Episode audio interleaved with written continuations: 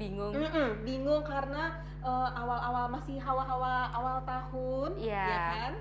episode sebelum ini kita ngebahas eh, resolusi, resolusi tahun baru. Nah, masih dengan semangat tahun baru Iya, nih, kita mau benar. ngobrol-ngobrol soal apa? Duit ya. Nah, Apalah artinya resolusi ngobrol sama psikolog, ngobrol sama life coach kalau duitnya bokeh. bokeh, iya kan? Pusing ya Bu ya? Betul, apalagi di musim pandemi kayak Iya, gini. benar, benar, benar. Emang sih vaksin udah ada, Mm-mm, terus eh, roda ekonomi sudah pelan-pelan sudah mulai pulih ya. mulai pulih, tapi eh, di 2020 kemarin kan banyak menyisakan luka-luka Iya, keuangan, benar. ya kan? Karena banyak juga teman-teman yang eh, kena PHK, terus mungkin yang kayak eh, freelancer juga jobnya sedikit berkurang, terus ada macam-macam ya, Iya, ada yang iya, bisnisnya juga tutup iya, banyak iya, banget iya. bahkan ya. Ya, ya termasuk aku sih waktu awal-awal pandemi juga lumayan berasa sih gitu Oke. ya kayak eh, suamiku cuma ya syukurnya alhamdulillah pelan-pelan emang berangsur eh, Pulih. Makanya akhirnya kita juga terinspirasi mau ngebahas soal Betul soal keuangan, ini ya. ya. gitu. Nah ngobrol-ngobrol nih soal uang. Kamu tuh ngeliat uang tuh sebagai apa? aku ngelihat uang Sebagai, kebahagiaan utama sebagai buat jajan. atau Eh, aku sebagai sih apa? ngeliat uang eh, sejauh ini aku ngeliat uang sebagai salah satu motivasi. Jadi yang Oke. memotivasi untuk eh, mau kerja, untuk memotivasi untuk mau eh, berkarya ya salah satunya ya karena eh, uang. Memang sih ya katanya kan uang katanya nih, Hmm. katanya uang bukan segalanya. Cuma iya dari manusia zaman purbakala sampai sekarang kan kita hidup memang terus berdampingan sama uang, Uang, gitu, betul. bisa dipungkirin kan. Iya iya. Kalau kamu gimana? Aku kalau uang bukan segala-galanya sih emang bener ya. Hmm. Kita kadang ngeliat temen Hmm. kan nggak juga yang dari uangnya Iya. aja, Hmm, akrab hmm, sama hmm, orang nggak hmm, hanya hmm. dari uangnya aja. Hmm. Tapi kalau aku sendiri tuh melihat keuangan Hmm. atau uang itu Hmm. sebagai energi. Hmm. Ibaratnya nih kalau tanaman nggak di nggak dapet energi sinar Hmm. matahari layu kan. Nah gue kurang lebih kayak gitu. Nah makanya makanya aku ngeliat kamu subur terus. Berarti keuangan kamu oke terus ya? nggak juga lah hanya karyawan biasa ya kan nah itu tadi kita ngobrol-ngobrol soal uang ya tapi di kondisi balik lagi kondisi Iya, pandemi kayak iya. gini dengan situasi yang masih belum pulih 100% Mm-mm, dan mungkin benar. pulihnya tuh kayaknya masih Belum tahu ya Iya, sampai mungkin masih bisa ya. sampai akhir tahun atau bahkan Mm-mm. tahun depan ya prediksi para ahli ekonomi Iya. dunia gitu. Eh, kita kayaknya butuh perencanaan Benar. dengan segala ketidakpastian Iya, ini, betul, betul. iya kan? Kemarin kita udah sering nih ngobrol soal self development segala macam, tapi ya ayo kita kuatkan lagi nih Iya. di tahun baru ini kita ngobrolin soal uang. Uang. Biar setahun ke depan kita juga udah tahu ya apa yang harus dilakukan ya. Betul, gitu. apakah kita butuh emergency Oh, budget iya, ya atau dana darurat, dana darurat. atau misalnya kalau sudah terlanjur kena PHK Mm-mm, atau bisnisnya tutup ra- cara recovery-nya Iya, gimana? Nah, Heeh. di episode kali ini kita fokus mau membahas keuangan eh, dari sisi eh, penyembuhan Yes. atau financial recovery. Iya. Karena yang balik lagi di, di pandemi kayak gini yang sakit bukan cuma Iya. orang ya, tapi Iya. juga keuangan, keuangan ya. sakit. Yuk langsung aja kita Iya, undang kita- siapa nih? Kita mau undang Temenmu. salah satu Mm-mm. heeh, narasumber kita. Ini juga eh, termasuk keluarga Nuju Bulan. besar yang Nuju Bulan nih. Eh, sempat mengajar yoga ya, yoga Iya, hatha di. Nuju Bulan dan sebelumnya juga Punya eh, kelas online. punya kelas punya kelas online dan kita pernah bikin kelas offline ya Oh, sama iya, beliau Hmm. Membahas mengenai finansial juga Iya. dan kelasnya rame sayangnya kepotong pandemik jadi nggak dilanjutin bener. lagi Benar. Semoga Karena nanti offline iya benar ya, benar. mudah-mudahan kita bisa bikin bikin online online, ya lagi. semoga Nah, ya. ya oke Kita panggilin aja yuk Mbak. Di sini ada Mbak Meta Anggriani. Hai, Mbak Meta. Yeay. Nah, keluarga Nuju Bulan. ini dia, Ini dia. Mbak Metanya apa kabar mbak Hai Mbak Nurul, Sehat? Mbak Ayu, Alhamdulillah Alhamdulillah. sehat. hari ini kita mau ngobrol uang-uangan nih Kalau finansial planner tuh mukanya cerah, gitu ya berbinar. kayaknya dengan bling bling bling. anti agingnya apa pakai duit atau Dolar dolar kali. atau pakai saham Iya. gitu ya Tadi siapa gitu yang ya. bilang money is energy? Ayo. Nurul. Nah, gimana jadi kalau kita udah memancarkan bling bling, yang bling bling juga datang, Oh, gitu. jadi gitu dulu aja gitu ya. Nah, balik lagi nih Mbak ngomong soal mindset ya, pola pikir sebetulnya ada nggak sih Mbak kayak pakem eh, kita yang ideal nih dalam melihat Cara uang pandang cara kita pandang ya. Yang bener tuh melihat uang kayak apa? apa? Ada nggak sih pakem benar salahnya atau ya balik lagi ke individu? Sebenarnya ya kalau menurutku uang itu sendiri kan sesuatu yang sifatnya sebenarnya netral. Ya artinya uang itu kalau kita lihat fungsinya dia itu kan sebagai alat tukar ya. Jadi untuk bertukar transaksi. Nah, kalau zaman dulu kan orang mencari yang oh saya butuh makanan, saya butuh pakaian, nah, Barter ketemu gitu barter. ya. Tapi kan lama-lama nggak selalu kita ketemu orang yang punya kebutuhan Sama. sama. Hmm. Makanya muncullah uang sebagai alat tukar. Nah, alat tukar itu jadi ada nilainya gitu ya. Nah, jadi sebenarnya dia hanya sebagai alat tukar. Nah, sekarang kita melihatnya itu apakah memang dia sebagai fungsional itu aja atau justru kita melihatnya bagaimana? Tapi menurutku yang paling penting itu bukan money mindsetnya tapi bagaimana kita sendiri melihat hidup kita sendiri gitu loh. Bagaimana kita memandang diri kita sendiri. So I mean like our self belief juga gitu. Kalau kita melihat hidup itu sebagai sesuatu yang ya perlu dinikmati kita mengalir ya otomatis the way kita memandang uang mungkin akan seperti itu juga. Sesuatu yang kita nikmati kita akan mengalir gitu aja juga. Rezeki itu datang gitu kan gitu tapi kalau kita melihat hidup ini sebagai suatu apa ya sebagai sesuatu apa tantangan yang mungkin perlu ditaklukkan sehingga saya akan meraih lebih banyak lagi tentunya uang itu nanti akan bergerak sesuai dengan bagaimana kita memandang kehidupan itu gitu.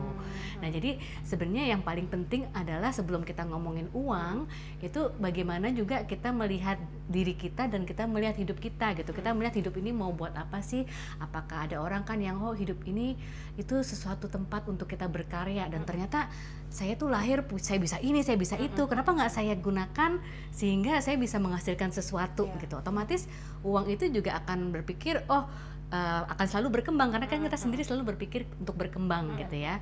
Tapi on the other hand kalau kita melihatnya oh hidup itu sesuatu yang given ah, ya udahlah emang kita tuh ah, nasib tuh udah pasti ditentuin. Jadi mau saya begini mau saya begitu ya tinggal terima nasib aja. Ya otomatis duitnya ya tergantung Iya, tergantung iya, kita iya, juga iya, gitu ya. Jadi artinya kembali lagi bagaimana kita memandang uang itu coba lihat lagi bagaimana Diri kita, kita memandang ya. diri kita sendiri dan memandang hidup kita sendiri gitu. Oke, jadi eh, menentukan money mindset itu balik lagi ke diri kita orang, sendiri ya. Betul. Jadi nggak ada yang mindset benar, salah itu Nggak ada. karena sebetulnya sifat uang itu pun netral, Betul. tergantung balik lagi ke kita. menurutku gitu. Tiap sebenarnya orang bisa berbeda-beda Iya, ya. Kita ngobrol nih sama psikolog, sama life coach, sering banget ya disuruh ngeliat uh, look apa into ourselves deeper, deeper, deeper gitu ya.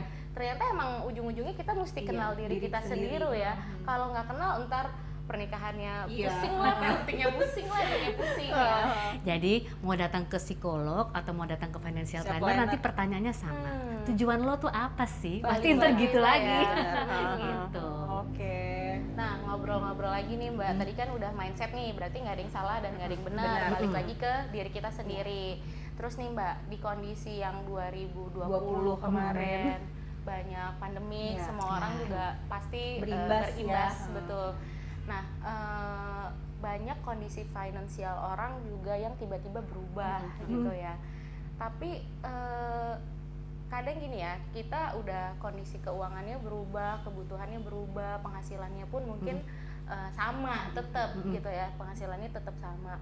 Kadang kita tuh nggak nggak paham banget gitu. Sebenarnya nih kondisi finansial aku sehat atau oke enggak nggak sih Iya. dalam baik-baik aja atau enggak Hmm, kadang ada masa-masa kalau aku pribadi mungkin ada masa-masa denial gitu ya kayaknya ah segini cukup deh kayaknya Ya. terus eh, nanti di tengah-tengah bulan cheating lah jajan apalah beli apa di gitu. luar rencana Di ya luar rencana gitu. Kayak Oke. eh, aku sendiri kalau aku pribadi kayak masih bingung ini indikatornya eh, apa ya? Eh, mau ngecek nih finansial sakit apa sehat kalau orang kan kelihatan mbak ya badan kita lo udah pusing udah demam tuh mungkin ada virus lah ada penyakit nah kalau keuangan gimana tuh Sebenarnya sih sama nih kalau kita ngomongin kesehatan keuangan. Tadi kan ngomongin kesehatan fisik ya.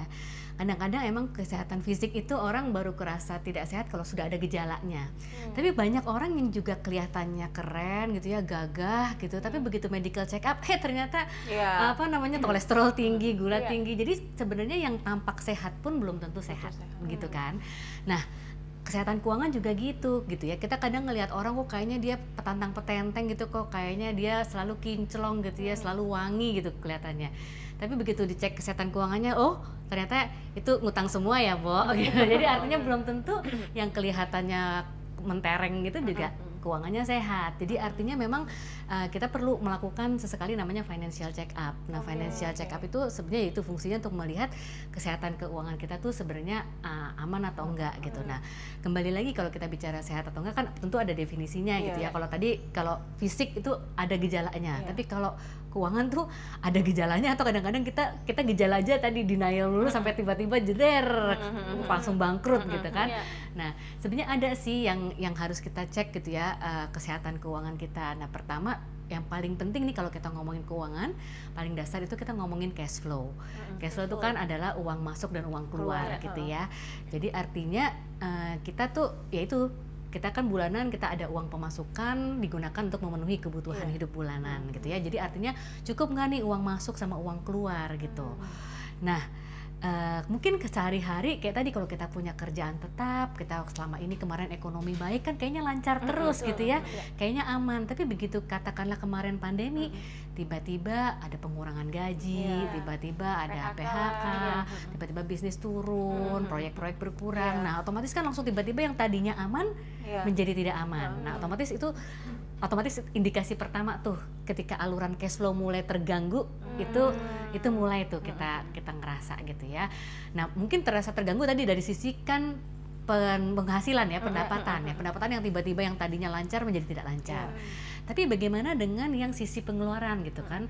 Kadang-kadang kan kita juga pengeluaran kan kalau hidup sehari-hari oh udah tau lah ya pola konsumsi iya, kita gitu ya biaya gitu rumah ya. tangga biaya makan biaya iya. hiburan iya. oh enggak selama ini saya udah budgetin aman gitu ya eh tiba-tiba ada pandemi kayak kemarin gitu ya nah tiba-tiba ketika pandemi kan otomatis oh harusnya kalau di rumah aja kan harusnya hemat lebih, ya. uh, nggak ada ya. transportasi ya. gitu kan nggak uh, bisa jajan-jajan keluar uh, uh, gitu ya nggak bisa liburan. Lah tapi kok tapi nyatanya. nyatanya boros nyatanya. Gitu ya. Apa yang bikin boros? Ternyata memang ada hal-hal yang juga bisa mempengaruhi pola pengeluaran kita gitu kan ya. Tadi namanya social distancing itu otomatis memang merubah gaya hidup gitu. Yeah. yang tadinya kita apa namanya masing-masing di keluarga tuh bapak ibu anak jalan sendiri-sendiri sekarang tiba-tiba semua di rumah, di rumah. Di rumah terus otomatis makannya bareng semua tiga kali sehari iya. tuh semua makan bareng gitu. Belum ngemilnya. belum kopinya. Belum. Terus udah gitu kan yang tadinya oke okay, biaya biaya transport nggak ada tapi biaya listrik bengkak AC nyala iya, terus iya, gitu ya. Netflix langganannya. Ah, iya, nambah nambah langganan Spotify langganan gitu.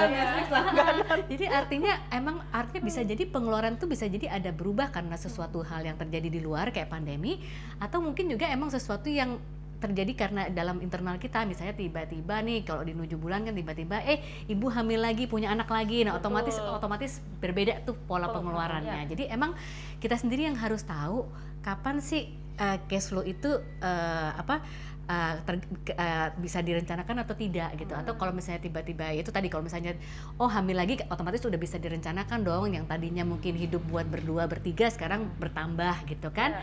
jadi itu semua harus bisa disesuaikan dengan pelan jadi mungkin kalau kita lihat indikasinya pertama kalau ngomongin uang sih yaitu cash flow, dari cash flow seharian karena itu iya. benar-benar sehari-hari gitu. Jadi nggak boleh besar pasak daripada tiang ya Mbak ya. Nah, betul iya. tuh. Kan yang penting tuh jangan lebih besar pasak daripada tiang. Artinya jangan sampai pengeluaran lebih besar daripada pemasukan. Karena apa? Nah, kalau udah pengeluarannya lebih besar, otomatis gimana dong? Ya, uh, jadi uh, ini ya, per, makan utang lagi. Ya, utang. Pertama makan tabungan kalau uh, punya tabungan. Iya, tabungan udah habis lama-lama ngutang utang, gitu. Ya, nah, utangnya misalnya juga ke online lah iya, atau ke macam-macam. Ya kan? Nah, utang itu mungkin juga uh, indikasi yang kedua tuh soal oh, kalau kita bicara soal kesehatan keuangan. Jadi gitu. cash flow dan utang ya. Hmm. Oke. Okay. Itu yang paling banyak terjadi nih di kita hmm. gitu ya. Utang itu kan memang apa ya? Sebenarnya utang itu boleh atau enggak sih? Ya, Coba ya. gimana? Ya, bol, iya, ya selama, selama bisa dibayar sih boleh ya. Artinya selama punya kemampuan membayar ya, sebenarnya boleh, boleh juga gitu ya. Oke, tapi sebenarnya kita tuh bisa bedain uang tuh ada dua nih. Utang hmm. tuh ada dua, ada utang yang produktif, ada utang konsumtif. Hmm. Nah, utang produktif tuh bisa dibilang utang yang bagus gitu ya. Artinya kita itu uh, berhutang tapi untuk sesuatu barang yang nilainya juga akan naik ketika kita beli. Jadi selama kita membayar cicilan, bayar bunga, hmm. nilai asetnya juga naik. Misalnya nah, KPR gitu misalnya ya. KPR okay. beli rumah gitu kan. Jadi hmm. kita berhutang, utangnya 10 tahun, bayar bunga 10 tahun, hmm. tapi setelah 10 tahun harga rumahnya harga juga naik, naik gitu. Okay gitu itu utang produktif tapi ada lagi utang yang mungkin sebaiknya justru kita Hindari. hindari, yaitu misalnya utang konsumtif utang buat beli tas gitu ya utang Buat untuk beli untuk sesuatu yang nilainya tuh nggak naik atau langsung Iya. turun atau bahkan langsung habis dikonsumsi gitu kan oke. kayak tadi kan sekarang orang belanja macam-macam oh even bayar online aja bisa pakai pay later padahal cuma sekadar beli baju atau Iya, even iya, jajan-jajan iya, pakai pay benar. later gitu ya. ya. Nah artinya kan ketika sesuatu itu sudah habis sudah ter- tidak tergu- tidak terpakai lagi malah kita masih harus bayar cicilannya Iya. itu yang nggak benar itu ya. yang nggak Oh, bagus. oke. Nah makanya jangan cepet-cepet tergoda tuh kalau soal pay later. Kita pikir dulu pertama kemampuan bayar. Iya. Kalaupun ada juga Hitung-hitung benar lagi nggak sih ya. ini ba- sebenarnya harusnya saya bayarnya pakai utang atau saya bayar cash, aja aja sih, gitu ya oke Oke, jadi ada dua dua faktor tadi itu ya Hmm. indikasi ya. Hmm. benar-benar Nah tadi tuh ngomongin soal ada pentingnya finansial check. Nah baiknya nih Mbak Hmm. dilakukan finansial check itu pastinya sebelum finansialnya sakit kan ya? Iya, Atau iya. gimana?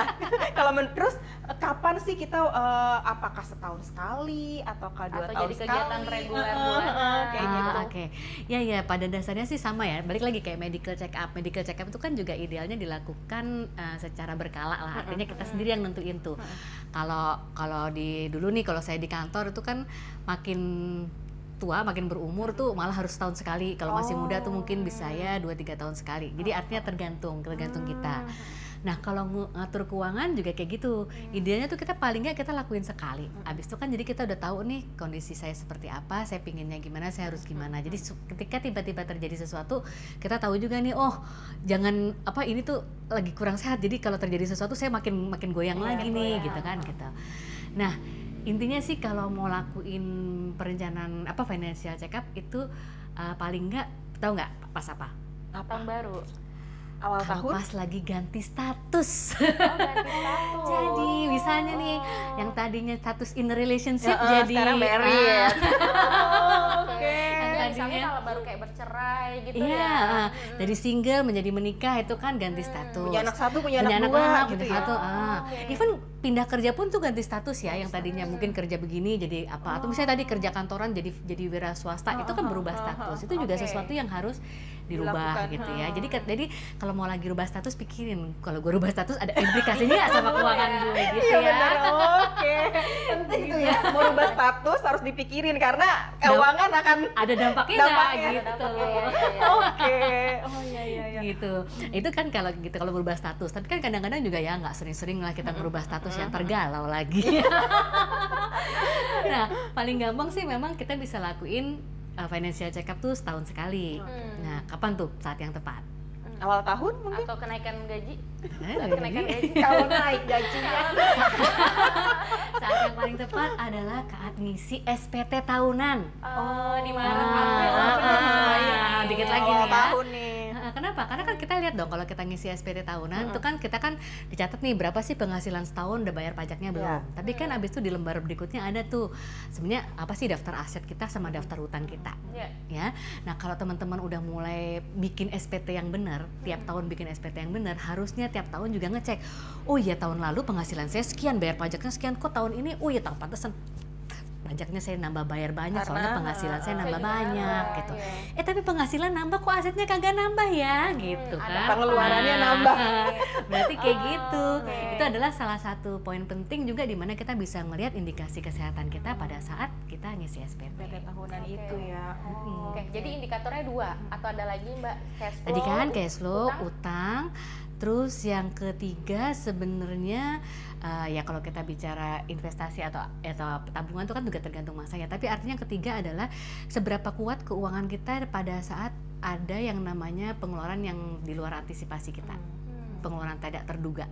Nah, jadi kita tadi kebanyakan tuh orang kalau kalau kondisi aman dia aman gitu kan, tapi ketika ada pengeluaran tidak terduga dia langsung kaget nih keuangannya. Nah, artinya apa? Kita itu perlu mm, perlu juga melakukan namanya uh, risk management, manajemen resiko Oke. terhadap keuangan. Jadi kayak, kayak tadi nih kita itu kan uh, kayak melihat bahwa oh saya tuh keuangannya sekian loh kalau kebutuhan saya. Jadi kalau misalnya ada gangguan di sini saya mungkin ada terganggu gimana. Kalau kesehatan kan juga gitu ya, artinya kita bisa lihat nih, uh, saya mungkin punya penyakit bawaan, jadi mungkin ada hal-hal yang harus saya hindari seperti itu. Tapi kalau keuangan, justru artinya kita bisa ngelihat resiko kehidupan tuh apa. Jadi resiko resiko kehidupan yang kadang-kadang tuh kita nggak pernah mikir gitu loh. Misalnya apa? Kita ada resiko sakit, Sakit, ya. Kematian Hmm, itu ya, adalah suatu mm, kematian tuh bahkan sebenarnya bukan suatu kepastian loh. Iya, Cuma iya. kita nggak pernah tahu kapan. betul. Jadi itu artinya resiko juga yang harus kita perhitungkan Hmm. gitu ya. Nah, memang sih ketika sebelum-sebelumnya kalau kita bicara apa pengelolaan keuangan itu rasanya sih berjalan gitu aja baik-baik aja. Nah, ketika terjadi pandemi, ketika ini kan otomatis tiba-tiba semua tuh jadi berubah dan Iya. artinya kita tuh benar-benar jadi lihat bahwa yang namanya resiko kehidupan tuh benar-benar nyata, kapan pun Ah, ya. nyata datang kapan pun ke siapa saja tanpa diduga Iya. gitu ya. Jadi sekarang kan kita lihat nih orang sakit tuh bisa siapa aja, Hmm, mau betul. tua, muda, Betul. kaya, miskin, apa namanya, mau tinggal di mana, di kota, di desa, semuanya kena bisa sakit Iya. gitu ya. Jadi artinya resiko itu tidak pandang bulu. Yang tadinya kita juga berpikir, oh saya kerja mapan kok perusahaan saya perusahaan besar Iya, gitu iya. ya, bisnis saya juga udah menggurita gitu kan. Tapi ketika begitu ada pandemi, ternyata goyang juga goyang bisnisnya. juga bisnisnya. Hmm. Ternyata yang tadinya saya pikir saya aman, ternyata bisa jadi kayak ada kena PHK atau Iya. pengurangan. Iya. Padahal saya ini karyawan berprestasi loh, Iya, tapi ternyata kena juga ya tapi ya. it's not about you anymore, it's Iya. about the situation Iya. as a whole gitu ya. Jadi artinya memang ada hal-hal yang di luar kendali kita. Nah, jadi makanya ketika kita membuat melakukan perencanaan keuangan itu kita juga harus bisa memperhitungkan risiko kehidupan dan kita Hmm. juga harus juga melihat diri kita sendiri. Saya sendiri tipikal orang yang bagaimana sih? Saya tipikal orang yang pinginnya nyaman atau saya pinginnya justru yang selalu lebih maju daripada yang lain sedikit gambling is okay Iya. tapi yang penting saya apa namanya selalu achieve sesuatu gitu nah, jadi kembali lagi indikasinya tadi yang ketiga adalah seberapa uh, tahan nih kita ketika ada jadi terjadi resiko gitu bisa nggak kita meng- meng- memetakan resiko itu dalam kehidupan kita gitu Oke. Jadi lihat indikatornya dari Iya. itu ya. Mm-mm, Kalau mm-mm. kita mau financial check up ya. Mm-mm. artinya berarti kalau misalnya untuk orang yang freelancer seharusnya dia tahu bahwa resiko saya terhadap keuangan lebih Uh, tinggi betul, karena kan betul. berarti penghasilan saya fluktuatif Iya, gitu betul. ya Hmm. atau kayak tadi misalnya oh enggak saya tuh masih single mungkin uh, single tanpa tanggungan mungkin Iya. lebih rendah tapi Hmm. begitu makin banyak tanggungan otomatis lu tuh nggak bisa nggak bisa tahan resiko lo harus sangat mapan nih Iya. gitu kan jadi artinya kita harus bisa membaca situasi kita gitu itu tadi tiga indikator ya Iya. yang kalau mau cek-cek kondisi keuangan kita Nah, sebenarnya sehat atau enggak aja. ya. Hmm. Itu nah, kalau udah terlanjur sakit keuangannya. Misalnya tadi eh, cek kan eh, pertama cash flow, Iya. terus utang. Kalau cash flow-nya berantakan otomatis pasti ada Utang. utang. Mm-mm. Nah, kalau udah misalnya terlanjur hutang, itu harus gimana? First eh, apa? First aid-nya seperti apa? Pertolongan pertamanya seperti apa? Kita bahas di segmen 2 ya. Jangan ke mana-mana. oke Hai,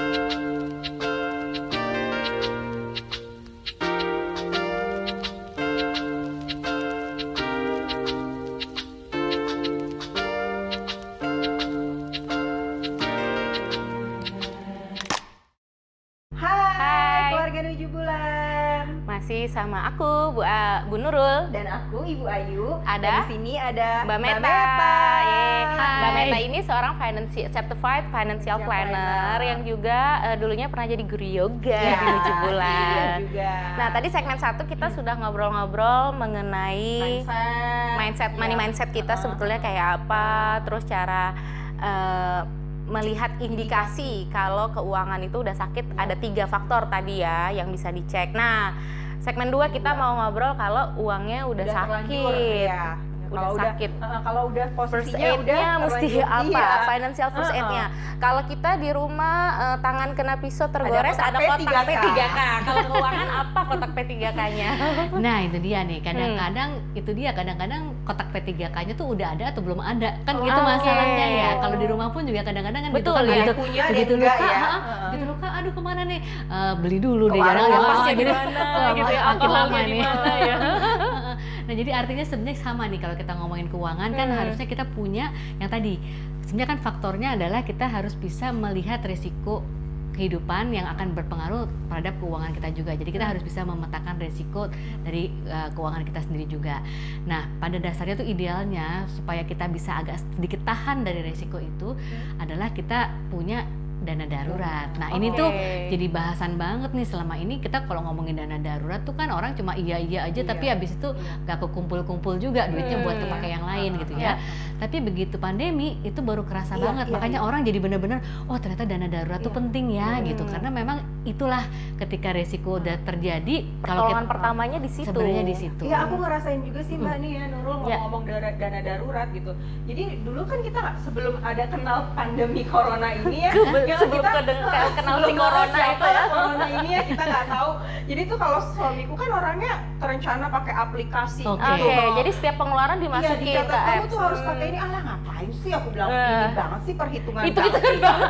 Gitu Beli ya, bawang ini 3.000 banget sih, ditulis cuma gitu ya. makan 50 ribu perak dicatat di aplikasi. Enggak, soalnya tuh ada ini. Tadinya skeptis ngeliatnya kayak ya. Hmm. tapi emang dia udah ini kita harus punya dana darurat. Cuma aku mikir ya udahlah ikut aja meskipun ngapain sih punya dana darurat emang mau dipakai buat apa? Eh ternyata ada pandemi ini dan Hmm. bersyukur ya si suamiku itu emang dicatat semuanya Udah dan punya Dan ya. masih bisa nabung ah, buat dana dan, darurat. ah, kita punya dana darurat Hmm. emang benar-benar benar kata Mbak Meta itu ternyata kita nggak tahu ya tahu-tahu Iya. ada pandemi gini itu emang kepake banget sih Betul. kayak gitu. Kalau dana darurat tuh Mbak Meta idealnya sudah dalam bentuk cash atau misalnya bisa dalam bentuk aset kayak misalnya eh, logam mulia atau Iya. kartu kredit mungkin misalnya punya Hmm. plafon plafonnya sampai bisa 100 disebut dana juta darurat betul juga, ya. gitu. Oke, dana darurat tuh pada dasarnya memang sifatnya dia harus liquid. Jadi Hmm. artinya kalau kalau liquid kan kita cenderung ngomonginnya cash. Ya. Tetapi ada aset-aset yang juga liquid. Kayak tadi misalnya logam mulia, Ya. itu sebenarnya dia termasuk aset liquid. Kenapa? Hmm. Karena kalau kita ada sesuatu kita mau me- Menjual. me- merebus sih itu menjual, itu kita gampang. Mudah, Betul. ya. Ada ada ada tempatnya dan harganya tuh uh, Naik. Bukan naik, emang ada harga pasarnya. Iya. Jadi kita udah bisa ngecek Oh, kalau misalnya saya terpaksa ngejual sekarang harga emas sekarang berapa? Hmm. Jadi itu jadi- kalau LM LM beda dengan emas perhiasan beda kalau emas Oke. perhiasan walaupun kita bisa ngitung tapi kan potong tentu ongkos lagi Iya, potong ongkos ini lagi. lagi ya dan itu per toko tergantung tokonya Toko, kalau betul. tokonya lagi ini dia juga bisa motong seenak Bisa dia juga harga gitu ya. kan Hmm. jadi artinya ah, yang penting dana darurat itu ditempatkan dalam instrumen yang liquid jadi bisa jadi Hmm. apa cash deposito juga termasuk liquid walaupun mungkin ketika kita menarik pada saat belum jatuh tempo kan Iya, bisa ada jadi potongan. ada penalti Penalti. Iya. tapi kembali lagi justru yang kayak gitu tuh ketika ini kan justru kita tahu kalau kita nggak kepepet tuh kita nggak bakal nyairin ya. Iya kan? Hmm. daripada gue bayar penalti udahlah tunggu sebentar lima hari lagi nih jatuh tempo masih tahan nggak ya masih ada nggak sih uang yang bisa dipakai dulu gitu Iya. misalnya Hmm. jadi kan eh, dia liquid tetapi memang aksesnya terbatas jadi maksudku kalau itu deposito Ah, ya mm-mm. LM pun kan gitu kan Iya. dia liquid tapi aksesnya ter- terbatas dalam arti kalau memang aku perlu banget ya gue harus effort nih Iya, ke toko jual. ya Betul. untuk ngejual gitu Hmm. kan dan kadang-kadang kalau ngejual pun bisa jadi uangnya baru transfer uh, Kapan? besoknya gitu Iya. kan jadi tergantung nih kita Hmm. uh, apa namanya uh, butuh likuiditasnya tuh seperti Hmm, apa juga nah tapi kalau yang tadi dibilang kartu kredit itu dengan plafon bukan. seberapapun ya itu sebenarnya bukan dibilang Hmm. dana darurat tidak bisa dijadikan Tidak instrumen bisa, itu ya betul. Hmm. Kartu kredit itu memang ada gunanya yaitu ketika kita ada pengeluaran mendadak kita bisa bayar dulu tapi kita harusnya kita sudah punya kemampuan membayarnya. dapat salam dari tagihan bulan depan Betul, Iya kan, gitu kalau kan? kartu kredit ya Jadi kalau kartu kredit itu kita kayak udah saya saya nggak mau bayar sekarang tapi ketika bayar jatuh tempo bulan depan tuh saya duitnya ada pas Hmm. tanggal gajian misalnya Iya. aman. Tapi ketika itu terjadi buat keadaan darurat darurat sekali nggak apa-apa. Tapi kalau darurat terus-terusan misalnya kayak kayak tiba-tiba PHK tapi punya kartu kredit terus Iya, gali lubang tutup Iya, lubang aja jadinya ya, lagi, betul. gitu kan. Kalau daruratnya cuma sekali nggak apa-apa ya. Ya, Hmm. misalnya darurat, nih wah ke- darurat masuk rumah sakit, ya udahlah bayar ininya pakai Iya. pakai kartu kredit dulu, tapi begitu ini kita bisa ngeklaim, bisa Iya. reimburse, bisa Iya, apa, betul, bayar, betul, ya. gitu kan, Hmm. itu kan bisa bisa dipakai. Nah, jadi artinya dana darurat itu tetap kita harus siapin nih salah satu tadi eh, apa first aid dalam mengelola Hmm. keuangan. Nah, yang kedua nih yang menurut aku penting juga nih kita belajar dari pandemi. Sekarang kan kita lihat bahwa yang namanya kesehatan itu sangat berpengaruh sama keuangan Iya. ya. Iya. Dan banyak sekali cerita bahwa orang tuh bisa bangkrut gara-gara sakit. sakit betul biaya berobat karena memang biaya berobat tuh sekarang mahal, mahal banget. ya Jadi kalau menurutku salah satu pilar keuangan tuh pertama memang kita proteksi. Salah satu proteksinya tadi dengan dana darurat, yang kedua adalah sebenarnya dengan asuransi kesehatan. Insurance, Kenapa? ya, oke. Karena tadi kesehatan itu kan adalah salah satu resiko kehidupan yang paling nyata ya. Ya. Itu tuh resikonya 50-50 loh. Orang hidup tuh bisa sakit, bisa sehat. dan gitu. mempengaruhi produktivitas kita dalam Betul. mencari uang ya kesehatan Betul. itu Jadi artinya lebih baik kita bayar sedikit premi, tetapi kalau terjadi sesuatu tuh kita bisa cepat sembuh, cepat produktif lagi, gitu Iya. kan? Mm-mm. Kalau memang kita bekerja, bekerja tetap ada di cover insurance sama perusahaan, Kantor. alhamdulillah berarti kita sudah aman di situ. Iya. Tapi kalau belum, ya paling nggak kita punya BPJS kesehatan Iya. deh. Hmm. Itu tuh udah paling minimum deh kan. Hmm. Itu udah asuransi Dan kesehatan kayaknya paling semua harus murah. punya Iya. ya. Iya, gitu. preminya juga 25.000 ribu Iya. apa 50.000 ribu kan ya Hmm. paling murah Hmm, tuh hmm, tergantung lah makanya kita bisa menyesuaikan. Jadi artinya uh, itu tuh udah menjadi wajib kalau menurut saya, Hmm. Gitu. Karena Nah, ngomong asuransi juga bisa satu tema sendiri Betul. tuh, Ya. karena ada asuransi kesehatan, asuransi Hmm. jiwa, pendidikan. betul pendidikan, Tapi, tapi, dalam ya hal ya. ini mm, menurutku asuransi kesehatan dulu aja Kesehatan. karena Oke. kesehatan itu ya itu tadi eh, resiko sakit itu 50-50 kita nggak usah terlalu pede bahwa oh saya masih muda saya sehat gitu ya Hmm, ternyata sekarang kan bisa terjadi siapa aja betul. masih muda tapi ketika aktivitas produktivitas tinggi malah terpapar resiko kecelakaan yang juga mungkin tinggi jadi Iya. kan artinya itu adalah yang paling utama dulu deh untuk Hmm. menopang produktivitas kita gitu. Oke. Jadi eh, pertolongan pertamanya tadi eh, darurat. dana darurat, tapi dana darurat bukan kartu Dana kredit ya. mau pla- mau plafonnya 500 juta juga Tidak itu bisa bukan dana betul. darurat. Terus tadi eh, asuransi. asuransi sama apalagi tadi yang ketiga eh, apa yang ketiga ya aku rasa sih itu deh kalau kalau paling nggak untuk paling mem- dana darurat Biasanya, dan itu ya dan si asuransi. Nah, tadi kan eh, udah di share nih ya kotak pertolongan Iya. pertama isinya dua, dua itu tuh yang wajib.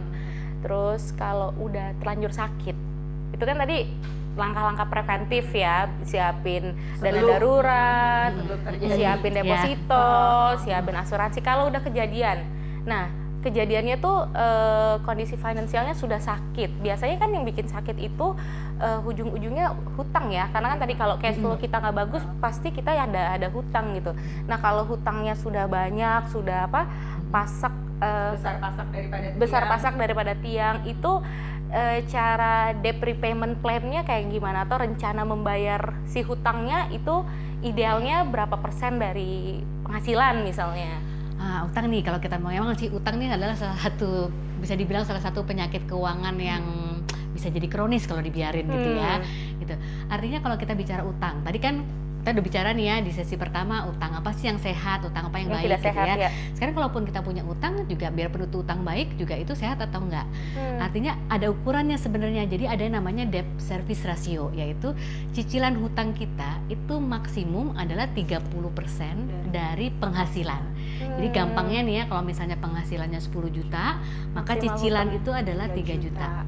3 juta tuh udah Maksimal, total udah hutang ya maksimal. Total Oh, cicilan ya. Ini kita makanya bicara cicilan, Oh, bukan cicilan. bicara total hutang. oh iya iya Tapi iya, kalau iya. kita Hmm. bicara total hutang, Hmm. misalnya katakanlah tadi punya utang rumah kan, Iya. pasti kan utangnya besar.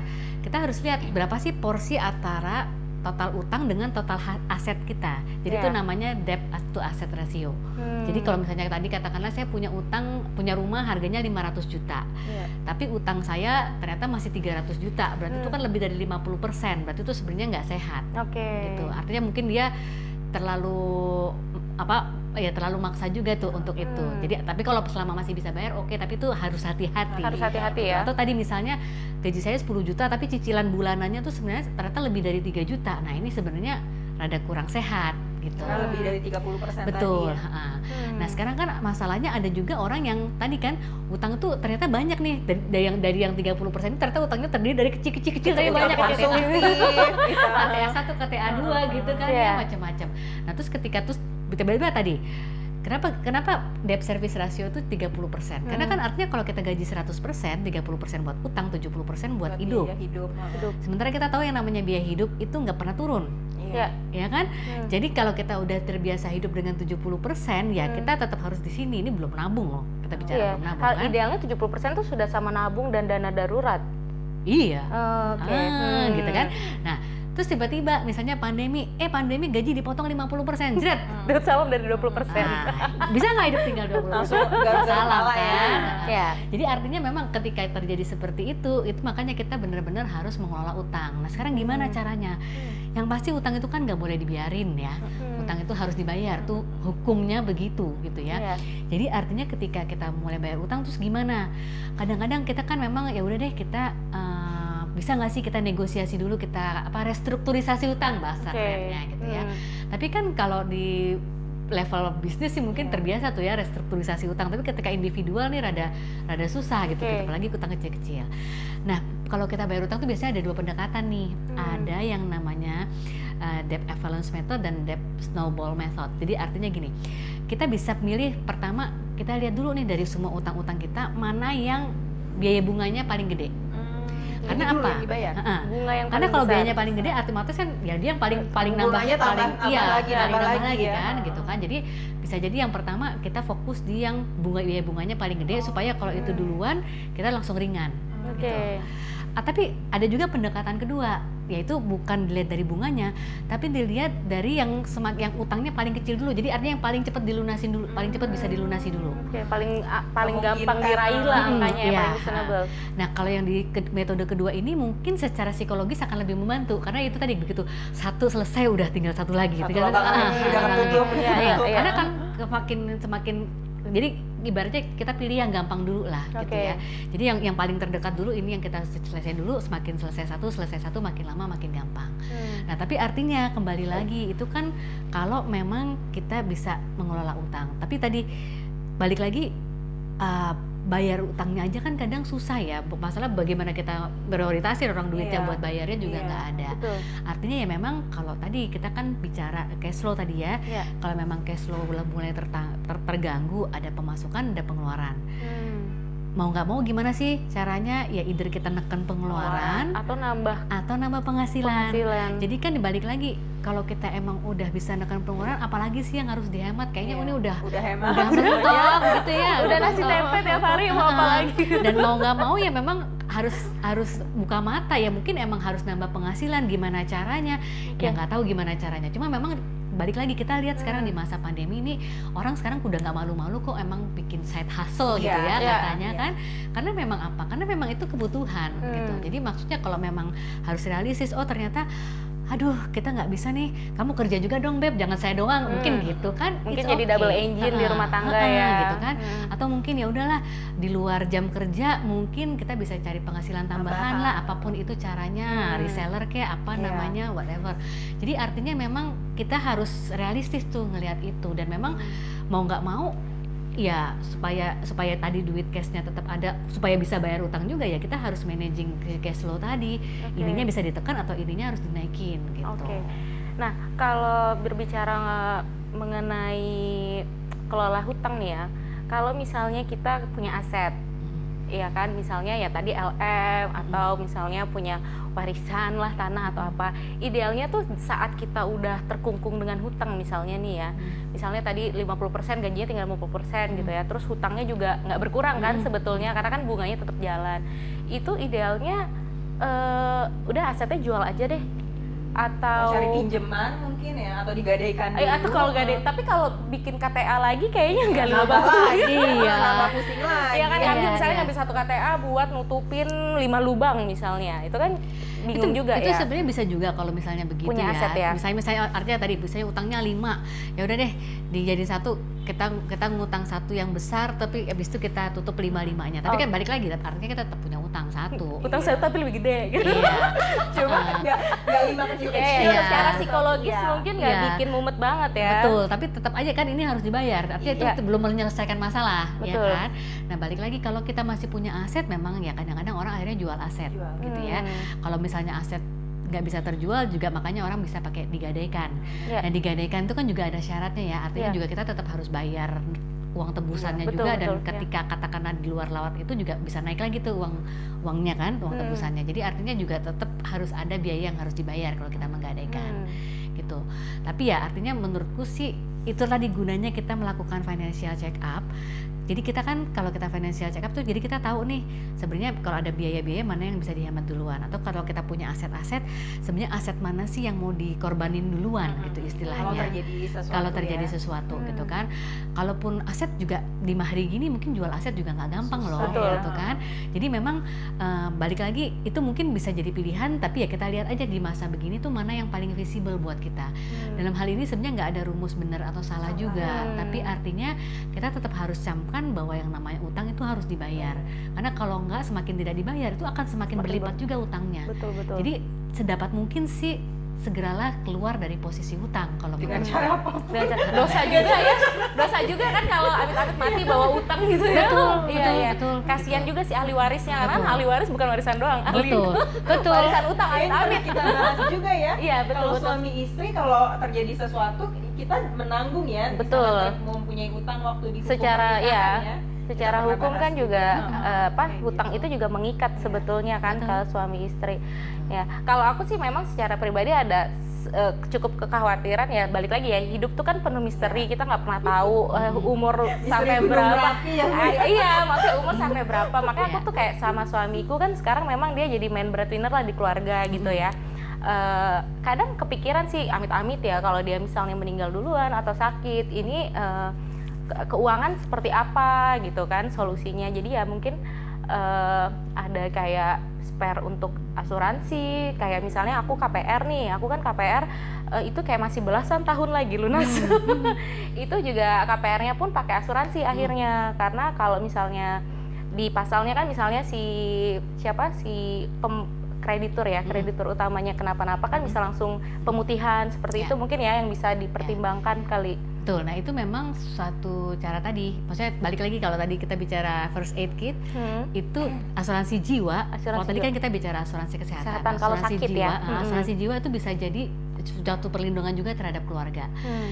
Jadi artinya eh, kalau bread breadwinner dalam dalam keluarga seorang yang mempunyai memberikan penghasilan itu memang sebaiknya punya asuransi jiwa. jiwa oke Jadi kalau terjadi sesuatu sama dia, keluarga atau ahli waris itu bisa meneruskan Hmm. gitu. Itu memang ideal banget gitu ya. Hmm.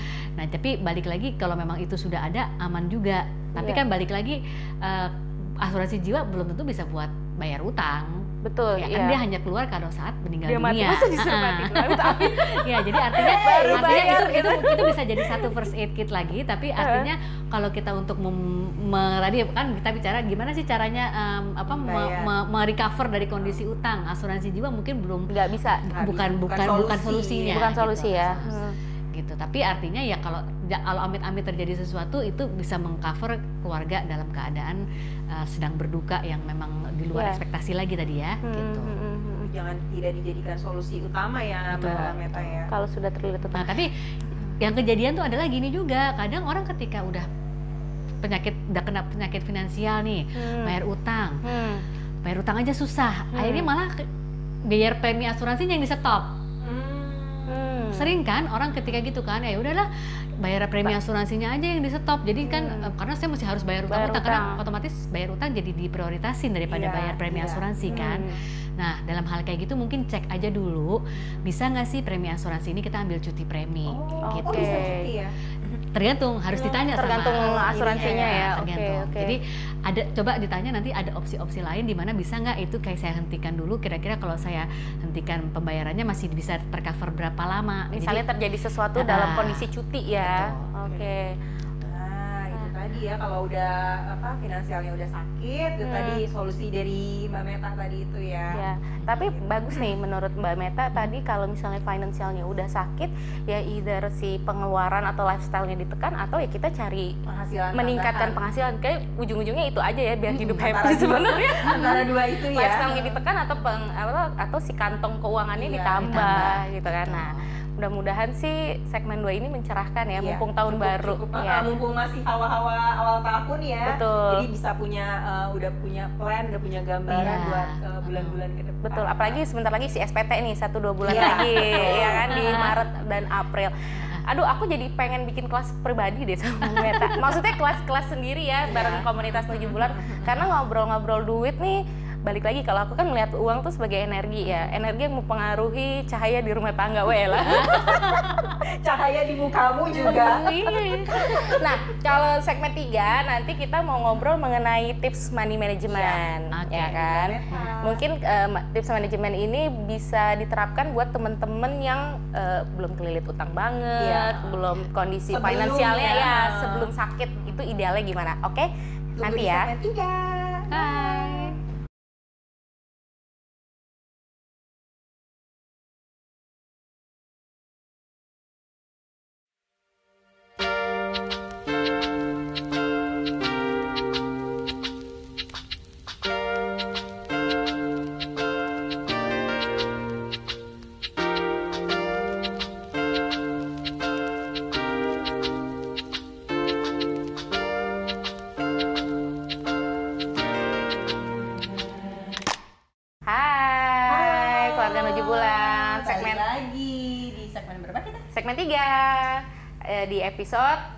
financial recovery. Masih sama Mbak Meta. Mbak Meta. Tadi di segmen 1 kita udah ngobrol mengenai indikator cara cek keuangan yang sehat Cara itu seperti apa. Terus yang segmen kedua kalau keuangannya udah sakit, Sakit. udah banyak hutang, Iya. itu harus gimana?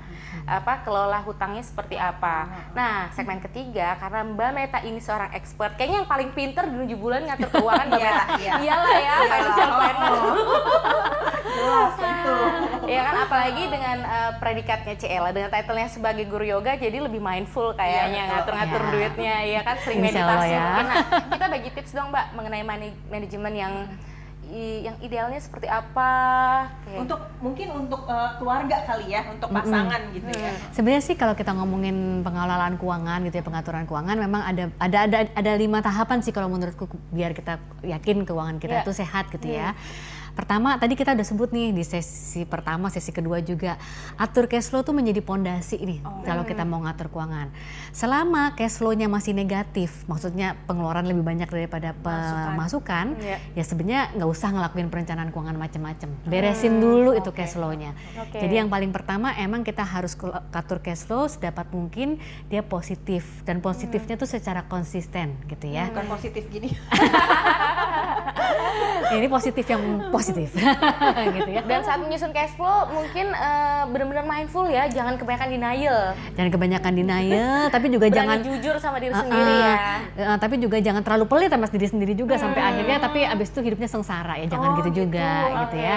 Gitu jadi pertama kita mulai dari atur cash flow kenapa kalau cash flow-nya negatif biasanya kan kita kena utang tuh nah masalah utang kedua jadi Sebab akibat ya. sebab akibat. Hmm. Nah, kalaupun misalnya sebenarnya cash flow aman tetap punya utang karena ya bayar cicilan rumah segala macam, kita yang pasti kita harus bisa mengelola utang. Ya, ingat tadi kita udah bahas juga cicilan yang sehat itu maksimum 30% dari penghasilan. Iya. Jadi selalu cek nih berapa sih jumlah cicilan kamu bulanan kalau masih dalam batas sebelum 30% masih relatifly aman.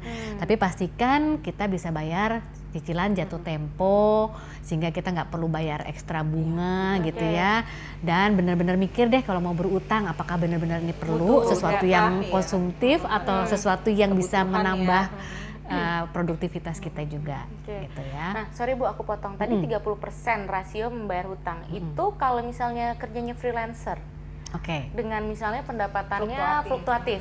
Itu eh, apakah harus 30% juga atau Ya berarti kan dia tahu dong kalau misalnya ya eh, apa namanya cicilannya dia adalah misalnya tadi cicilannya dia adalah 2 juta per bulan.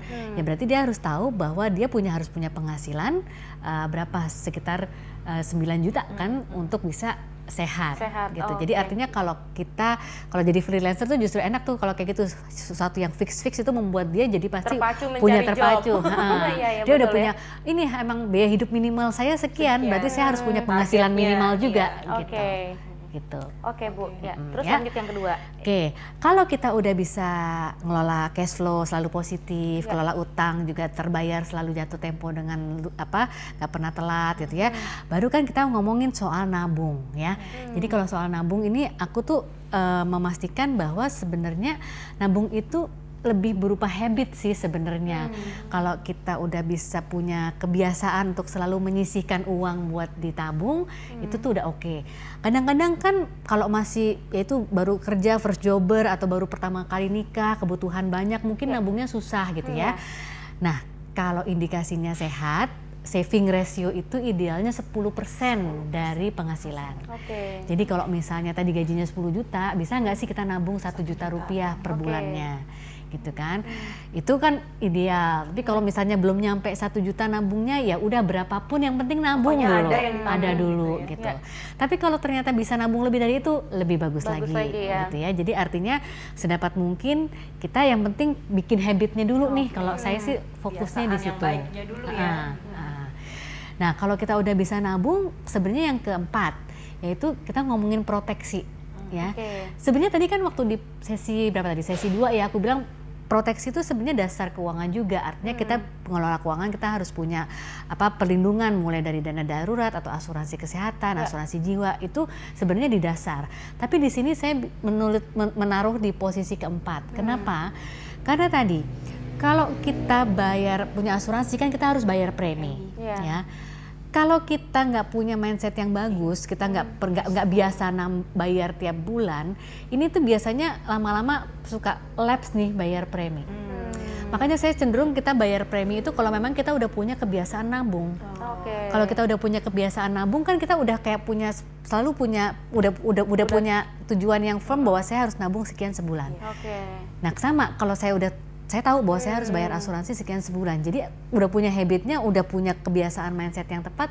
Jadi yang namanya kalau kita bayar premi ini mudah-mudahan nggak lapse juga. Jadi Ya. nggak nggak putus di tengah jalan. Karena kan balik lagi kalau asuransi kita putus di tengah jalan uh, ngulang lagi nanti kan Iya, diakses lagi terus Iya. tahu-tahu udah punya penyakit nambah lagi lebih mahal gitu Iya. kan segala macam.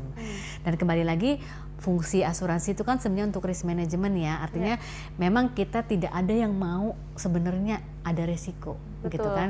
Jadi kadang-kadang makanya orang kalau nggak biasa nabung bayar asuransi itu merasa rugi. Kenapa? Gue bayar tapi gue nggak dapat apa-apa. Ya emang nggak mau dapat apa-apa Iya. gitu kan. Kalau dapat apa-apa ya kenapa-napa dulu Oh, gitu kan. gitu kan. Jadi artinya uh, ini kalau ditaruh di awal nih biasanya rada susah. Jadi Hmm. menurutku biarlah kita taruh di sini dulu gitu ya. Oke. Yang pasti ini harus ada. Hmm. Gitu. Nah, kalau udah selesai di sini, yang terakhir baru kita ngomongin investasi sebenarnya. Hmm. Sebenarnya apa sih bedanya nabung sama investasi Iya. gitu? Sebenarnya tuh hampir sama gitu ya. Cuma kalau nabung tadi kita bicara lebih ke habit, kita bicara lebih kayak itu tadi melindungi uang kita ya supaya kita punya uh, apa namanya uang kita tetap ada tadi kan. Terus biasanya kita juga kalau kita menyisihkan uang tuh kita bicara untuk kebutuhan yang jangka pendek gitu kayak tahu kan. Misalnya oh nanti bulan Juni anak sekolah masuk, jadi udah tahu nih ada Ada tabungan bayar, berapa, ah, ya. gitu kan. Nah, kalau investasi itu mungkin kita bicara yang horizonnya lebih panjang. Jadi untuk kebutuhan jangka panjang, gitu kan. Dan kita bicara bukan cuma untuk melindungi uang, tapi kalau bisa kita mengembangkan nilai uang gitu. Hmm. Jadi dia bicara yang sesuatu yang lebih besar lagi.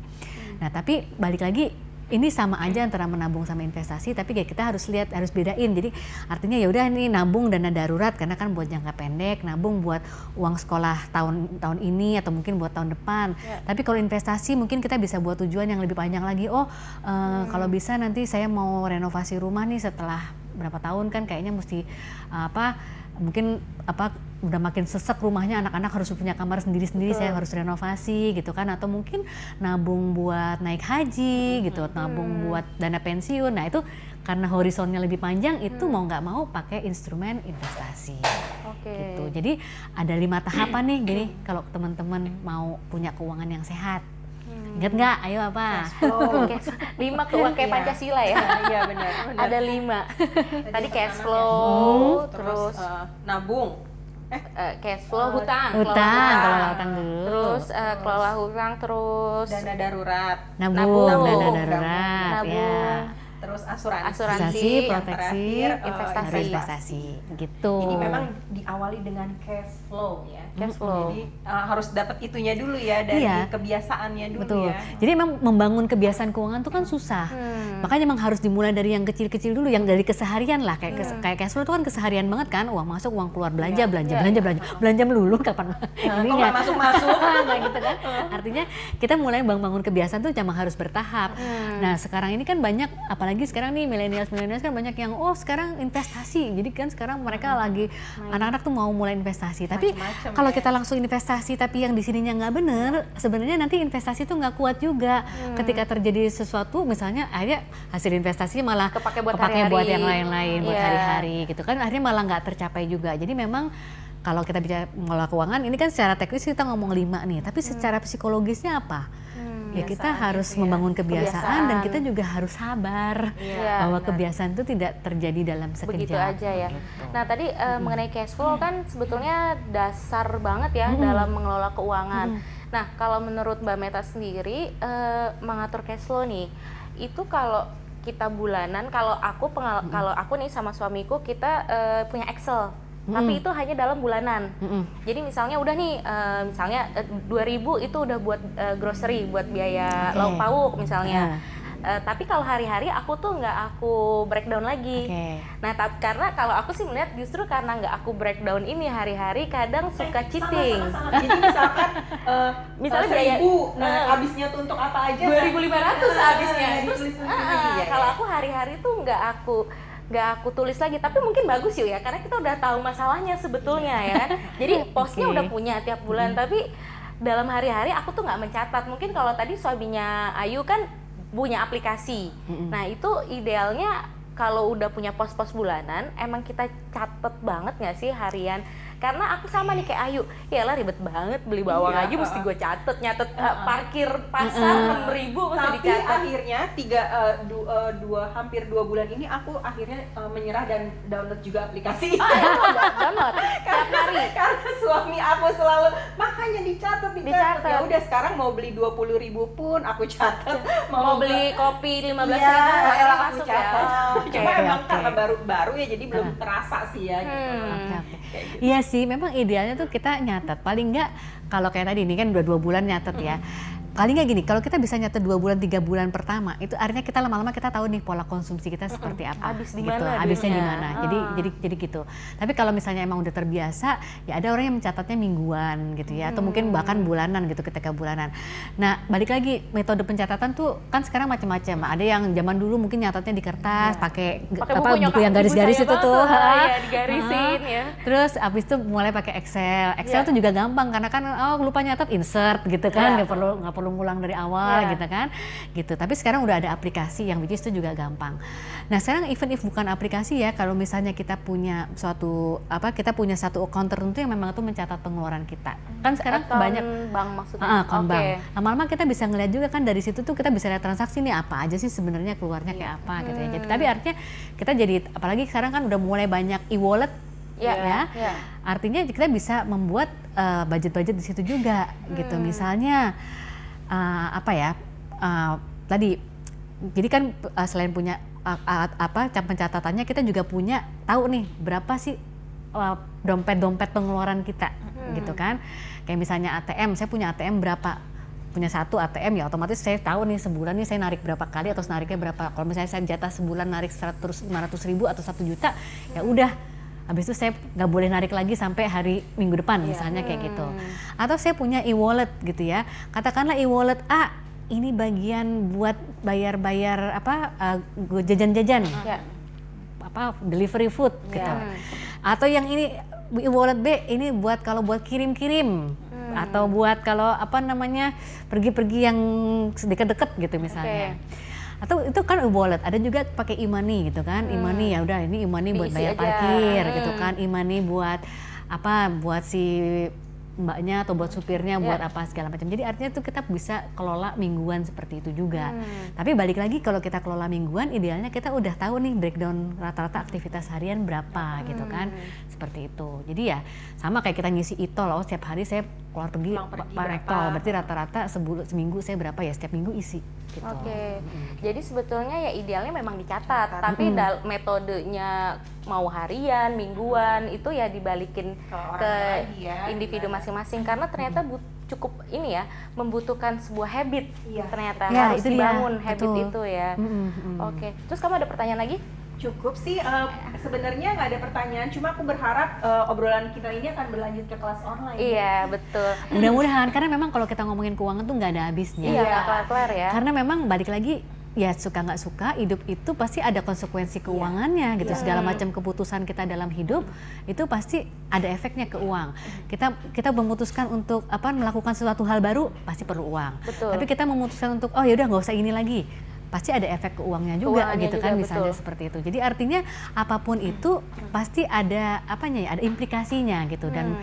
dan kita juga harus realistis ya. Ya. Maksudnya ada kan kalau kita sekarang belajar apa namanya consciousness, mindfulness, ah, udahlah yang penting cukup, saya cukup, rezeki ya. cukup ya cukup cukup. Tapi terus jangan terus cukup tapi habis itu malah me- apa malah malah kita menutup mata atas kewajiban-kewajiban Iya, yang iya. lain yang mungkin ada gitu ya. Hmm. Jadi artinya kita harus bisa melihat situasi dengan realistis dan kita menyeimbangkan nih Ya. benar-benar antara kebutuhan, keinginan, antara apa tadi namanya eh, apa eh, untuk masa sekarang maupun buat masa, Masa depan, depan, gitu. Jadi harus seimbang lah hidup itu.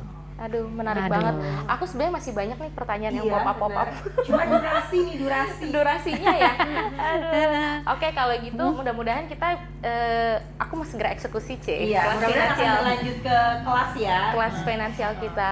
Oke, kalau gitu Mbak Meta, Terima kasih banyak, Mbak Meta. Sama-sama. Terima kasih juga. Mbak Nurul, Mbak Ayu, juga buat apa namanya Keluarga Nuju Bulan. Semoga bermanfaat Ya. gitu ya. Eh, eh, kalau ada yang mau kontak Mbak Meta, mungkin mau ah, Tanya-tanya, mau konsultasi konsultasi, boleh langsung hubungin di Instagramnya Mbak Meta ya. Ya. Nanti ada tertulis di bawahnya Mbak Meta. Oke, kalau gitu thank you banyak ya. Terima Mbak kasih Meta. banyak. Bye. Terima kasih. Bye-bye. Kita ketemu lagi di di episode 8. 8.